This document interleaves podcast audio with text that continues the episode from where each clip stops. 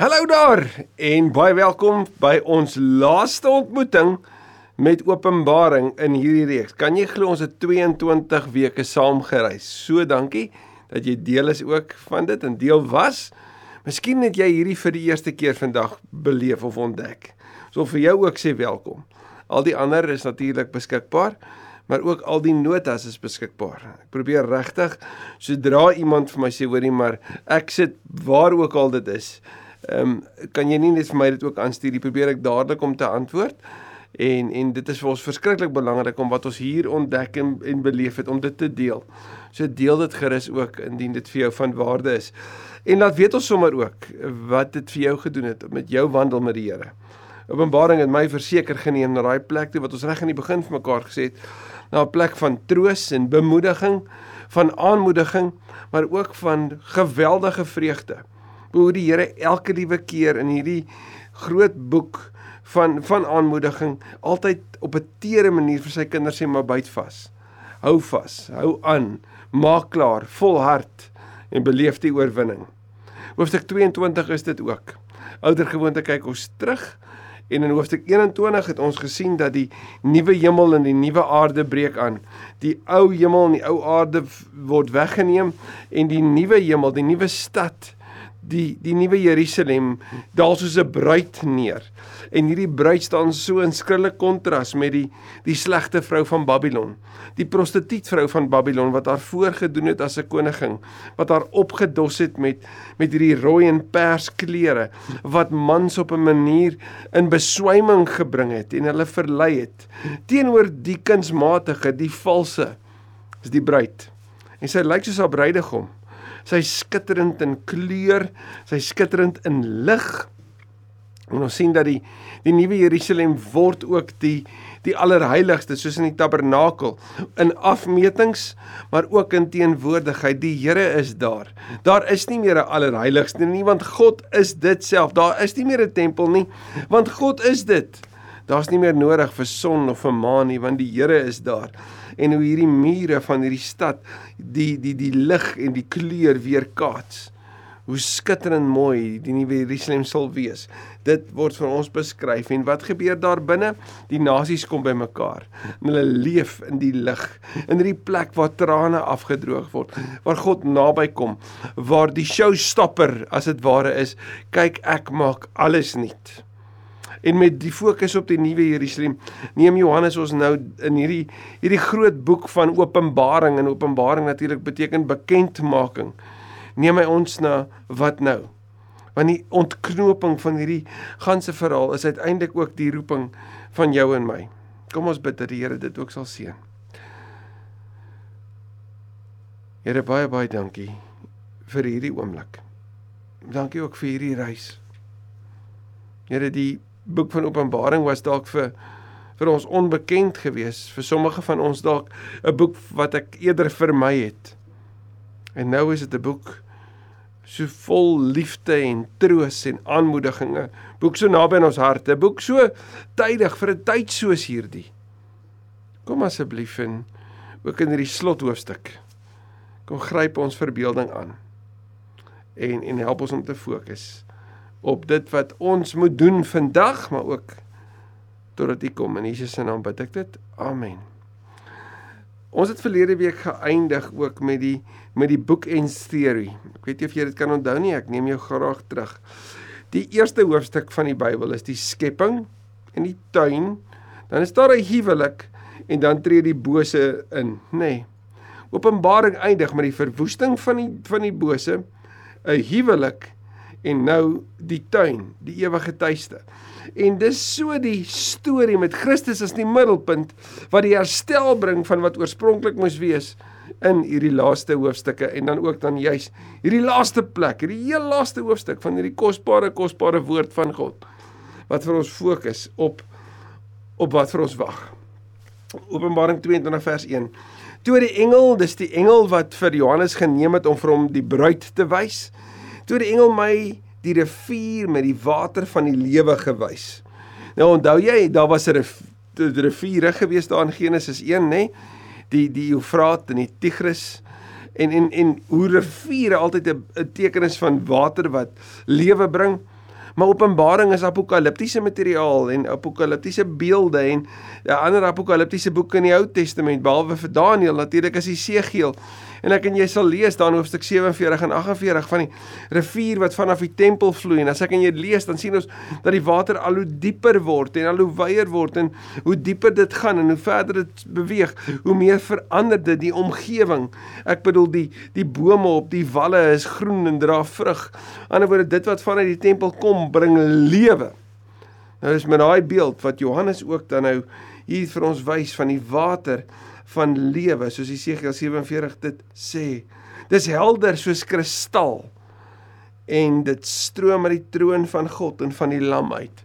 Onthou Openbaring het vir ons gesê in die nuwe Jerusalem is daar nou nie 'n tempel nie. Want God self is daar en nou vanuit die troon van die lam kom hierdie water van lewe. Nie die water as dit ware van ewige lewe.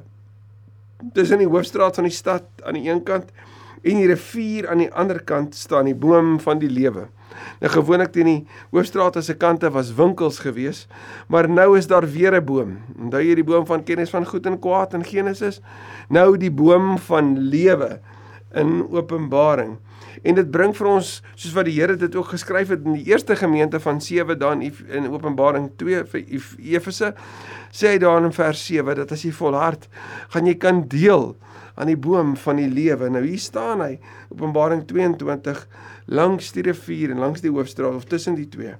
Hy dra 12 keer per jaar vrugte. Elke maand lewer hy sy vrugte. Hierin kom sien ons dat die die voorspoed en die seën van die Here ook op hierdie boom deurgangs is. Daar's nie seisoene van stop nie.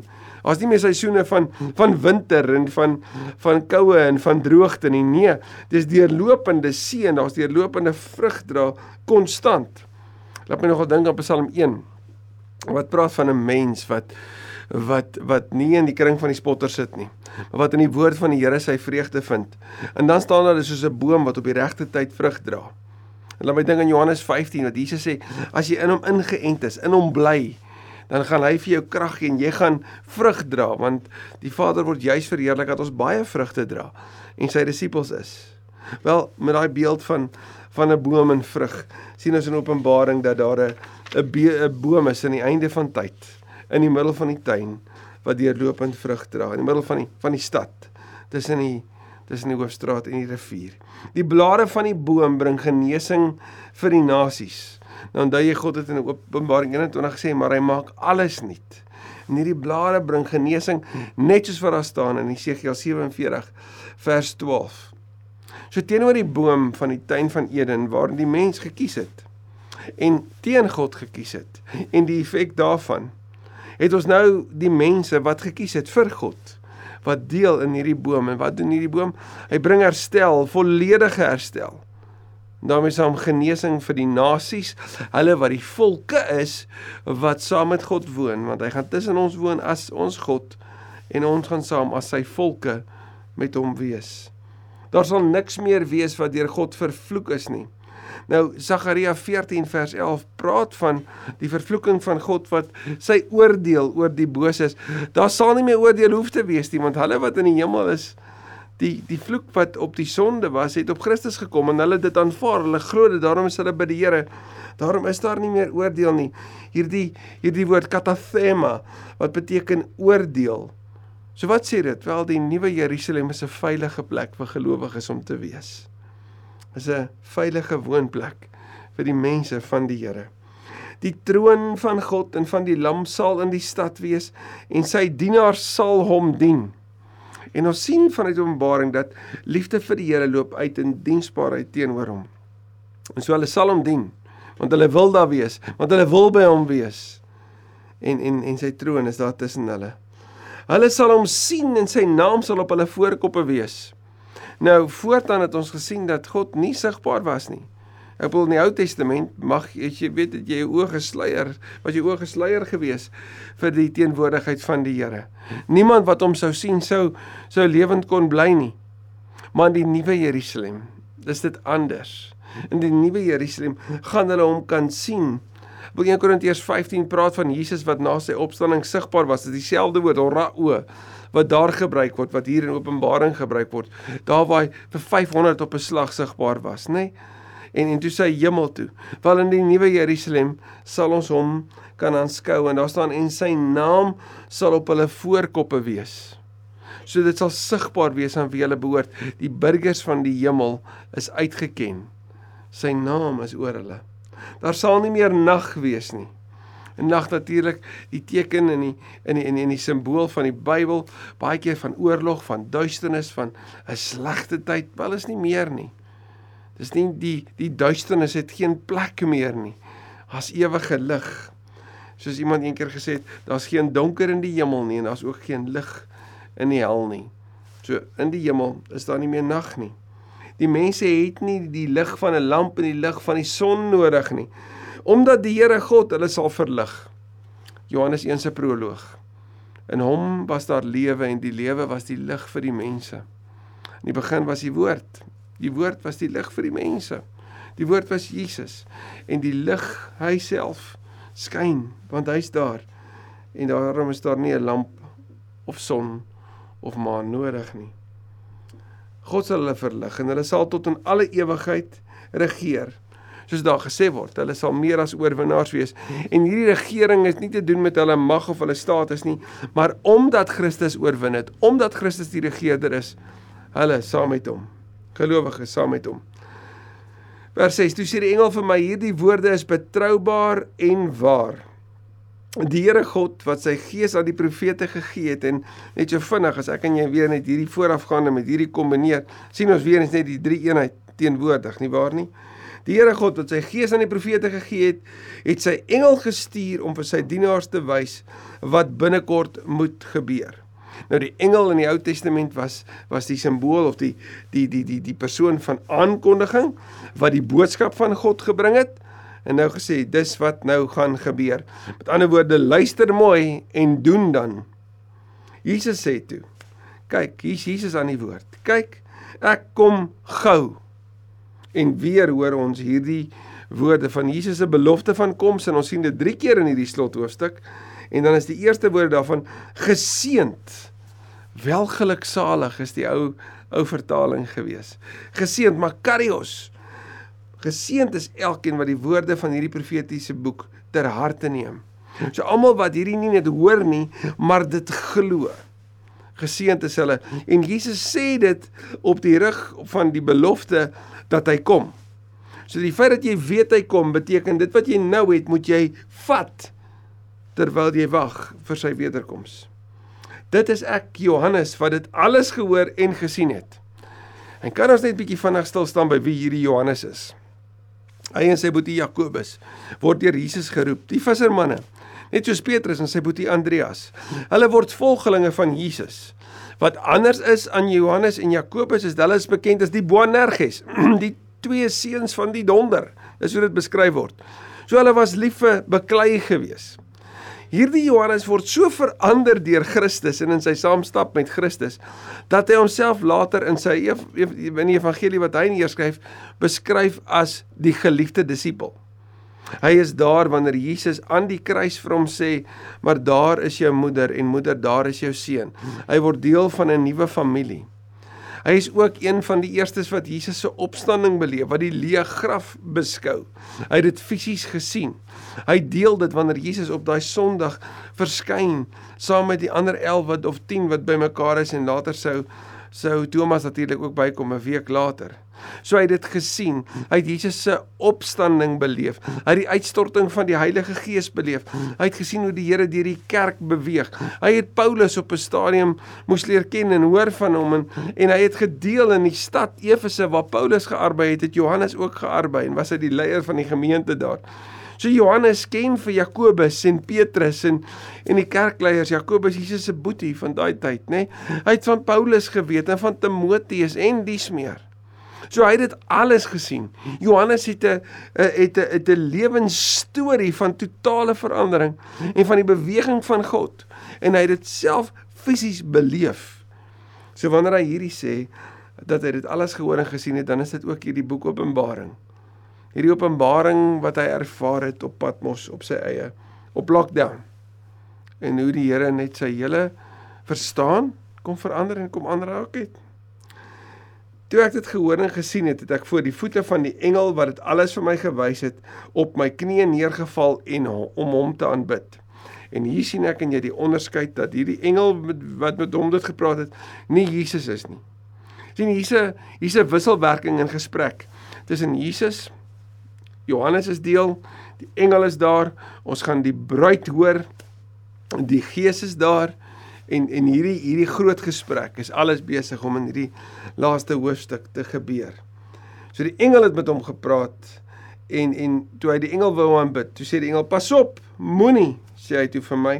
Ek is 'n weer eens daai woord sundulos, 'n mededienskneg van jou en van jou medegelowiges. Nou, ons sien in Hebreërs 1 vers 14 dat dat die engele gestuur is juis om die gelowiges te dien. Die engele in diens van die Here is in diens van mense. En hierdie is net weer eens my so bevestiging van die gesindheid wat ons in die hemel gaan sien. Nê? Nee, Jesus, die een wat voete was, sê ek het vir julle gewys, julle moet dit ook so doen. Jesus stuur sy engele om te dien. Jesus se kinders, sy volgelinge, sy sy sy disippels is mense wat bekend is vir hulle dienswerk. Diensbaarheid is wat ons in die hemel gaan aantref. Daarom is diensbaarheid wat ons nou reeds moet oefen in afwagting op die dienaar Messias wat op pad is. Ek is 'n mededienaar van jou en jou medegelowiges, die profete en die wat die woorde van hierdie boek ter harte neem. En dan die belangrike soos voorheen weer, aanbid God. Die fokus altyd op God. Verder sê hy vir my, moenie die woorde van hierdie profetiese boek geheim hou nie, want die eindtyd is naby. So maak dit openbaar openbaring vertel dit maak dit bekend dis letterlik wat hierdie woorde beteken teenoor wat Daniël moes hoor dan hoofstuk 12 dat hoorie hou dit weg moet dit nie vertel nie want wat ek vir jou vertel is ver in die toekoms is die openbaring storie dit wat nou gaan gebeur So vertel dit die dringendheid. Hoekom so dringend? Want die boodskap van Openbaring is so so intens en so duidelik. Draai na God toe. Maak reg kom tot inkeer. Vandag vra die Here om die Here van jou lewe te wees, om jou skoon te was. Word deel van die burgerskap van die hemel en leef nuut, want hy maak jou nuut om nuut te kan leef.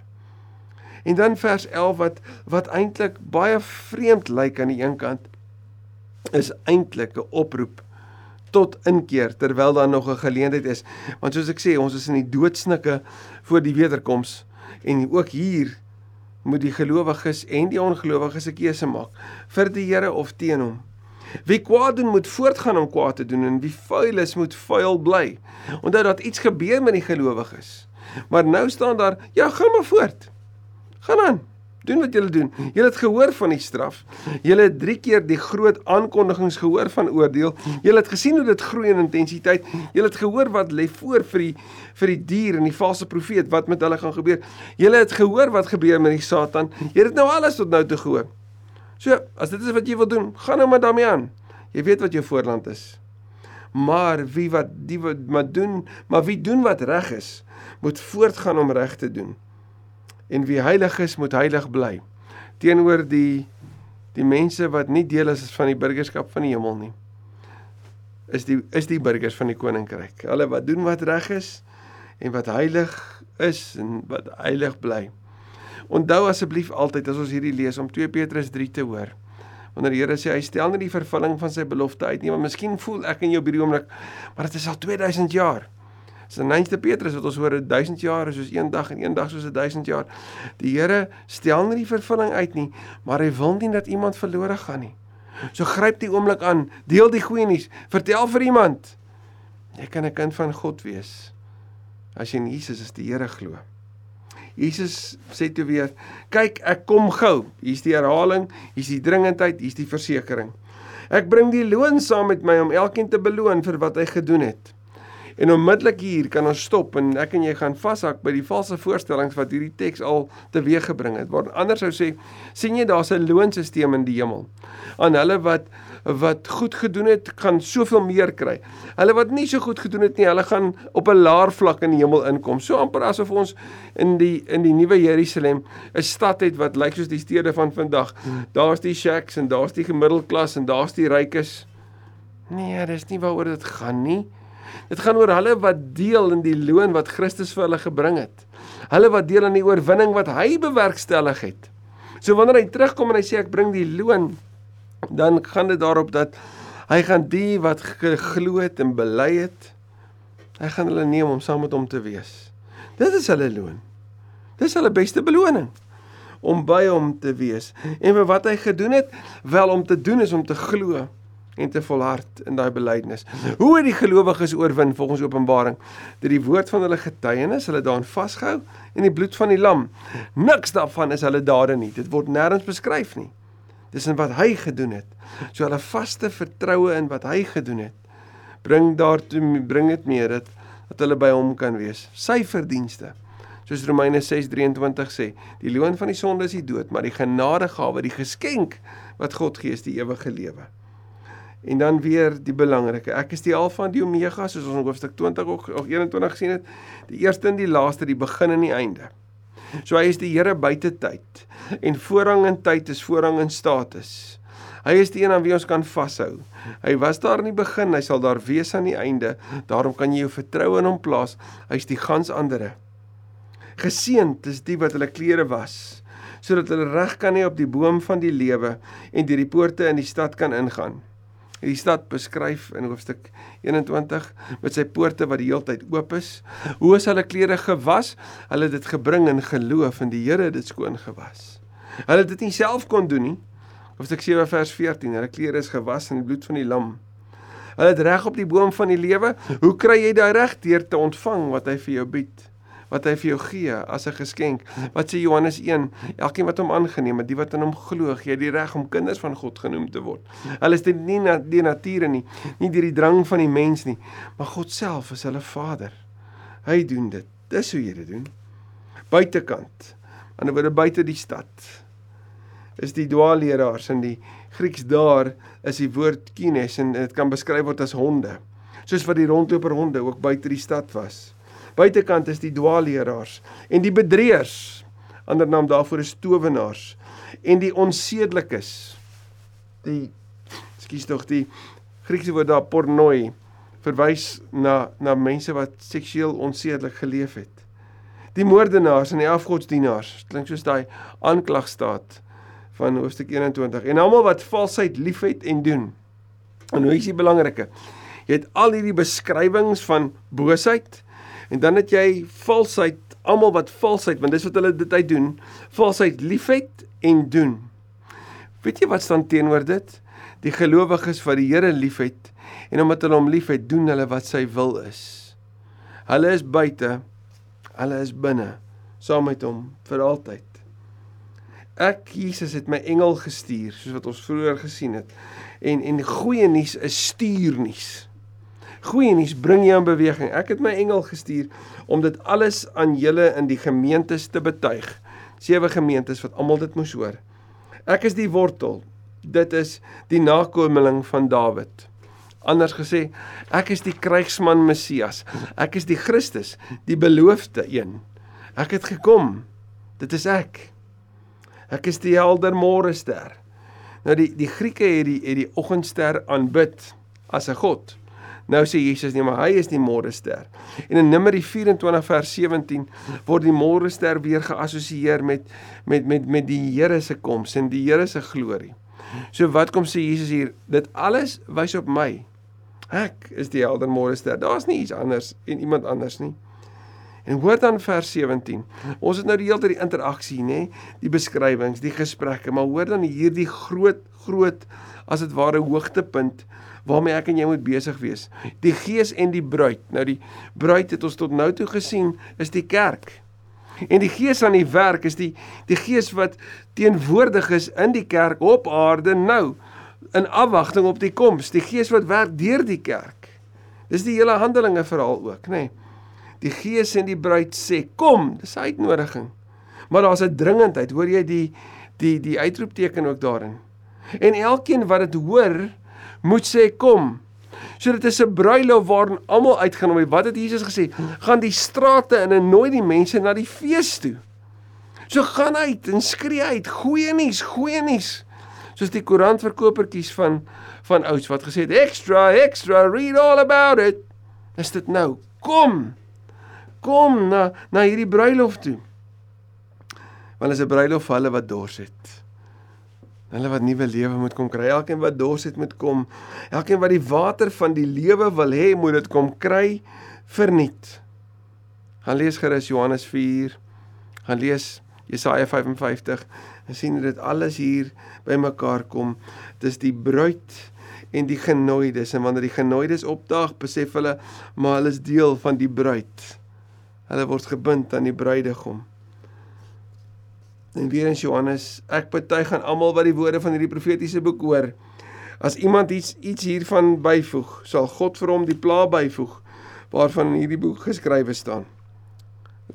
Hoofstuk 1 vers 1 begin Christus aan die woord. Dit eindig met Christus aan die woord met hierdie groot waarskuwing dat daar nie hieraan gepeter word nie. Wel daar's aanduidings dat daar met hierdie tipe materiaal in die tyd van Johannes juis gepeter word, dat dit verander was. Die dringendheid hiervan is hou dit suiwer, vertel dit so. Moet dit nie probeer verduidelik of of anders stel nie. Sê presies wat gebeur het, presies wat jy beleef het en deel dit presies soos wat ek dit aan jou gegee het. Moet dit nie verander nie. En as iemand een van die woorde van hierdie profetiese boek wegneem, sal God sy deel van die boom van die lewe en aan die heilige stad wegneem waarvan daar in hierdie boek geskrywe is. So vermy die versoeking om aan te pas en dit sagter te maak. Hy wat dit alles getuig, sê ja, ek kom gou, hoofletter E ek Christus wat aan die getuienis is. Christus aan die begin, Christus aan die einde. Christus is die fokus. Soos iemand eendag gesê het, die opsomming van Openbaring, Jesus wen en hy kom gou. Amen. Kom Here Jesus met hierdie begeerte van kom en dit is natuurlik die die woorde van die kerk. Jy gaan dit in Korintiërs ook sien nê. Nee. Maranatha. Kom Here. Hierdie groot Arameese verwagting. Kom en en hierdie is so 'n mooi einde van 'n tipiese erediens ook nê. Nee. Hierdie begeerte van Here, kom gou. En saam met dit die saligspreking, die seëngroet die genade en die woord charis daar is kindness of grace die die goedhartigheid die die genade van die Here Jesus sal by almal wees. Hoekom moet ek anders leef? Want hy's die Here wat genade gee. Hoekom hom dien? Want daar's niemand soos hy nie. Hoekom vasbyt te midde van vervolging onsekerheid oorloë ongemak? Want daar's 'n nuwe Jerusalem wat wag. Hoekom jy hierdie boek lees? Want dit is 'n boek van troos wat vir jou kom sê die einde is verseker, die einde is 'n gegewe. Hoe nou, leef ek nou asof hy môre kan kom? Vandag kan kom. Wie is ek? Ek is nie enige iemand net nie. Ek is nie sommer net hier jy nie. Ek is die bruid van die lam. Ek behoort aan hom. Hoe kyk ek na my lewe? Ek is skoon gewas, nuut gemaak sodat ek nuut kan leef. En wanneer ek swaar kry, wel daar's martelare wat ook soos ek gelei het wat vir my bid. Daar's die Here wat vir my bid, sê Romeine 8, die Gees wat vir my bid, Jesus self wat vir my bid. Hoe moet ek dit dan doen? Kyk om jou, bemoedig mense en en en help hulle om te hoor die goeie nuus is daar's 'n ewigheid saam met hom. En dit maak alles die moeite werd om vas te byt en te volhard. Ek hoop sodat ek en jy dit wat ons hier gehoor het sal vat en ook sal deel. Dankie dat jy deel was.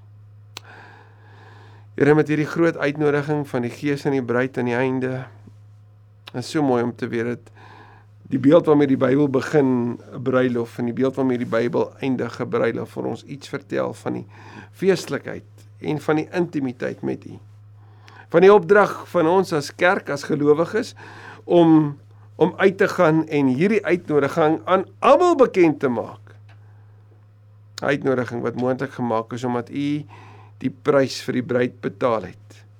U het alles gegee om haar uit die kloue van die draak te bevry en hierdie draak self verwoes. En Here in hierdie tyd van afsondering en voorbereiding vir die bruilof deur ons dade, deur ons denke, dit dit wat ons in stilte doen en dit wat ons in openbaar doen bid ek so dat ons nie dit wat ons ontvang het by u in hierdie reis van 22 kosbare hoofstukke dat ons dit nie van selfsprekend sal aanvaar nie Maar sal onthou dat ons dit nie sal vergeet nie, maar sal onthou en dat ons mekaar sal aanmoedig om ook hierdie uitnodiging te deel op al die platforms wat U vir ons die voorreg gee om in teenwoordig te kan wees en te kan deel. Dankie dat ons kan bid vandag dat die genade van ons Here Jesus Christus by ons elkeen sal wees totdat hy kom. Amen. Amen.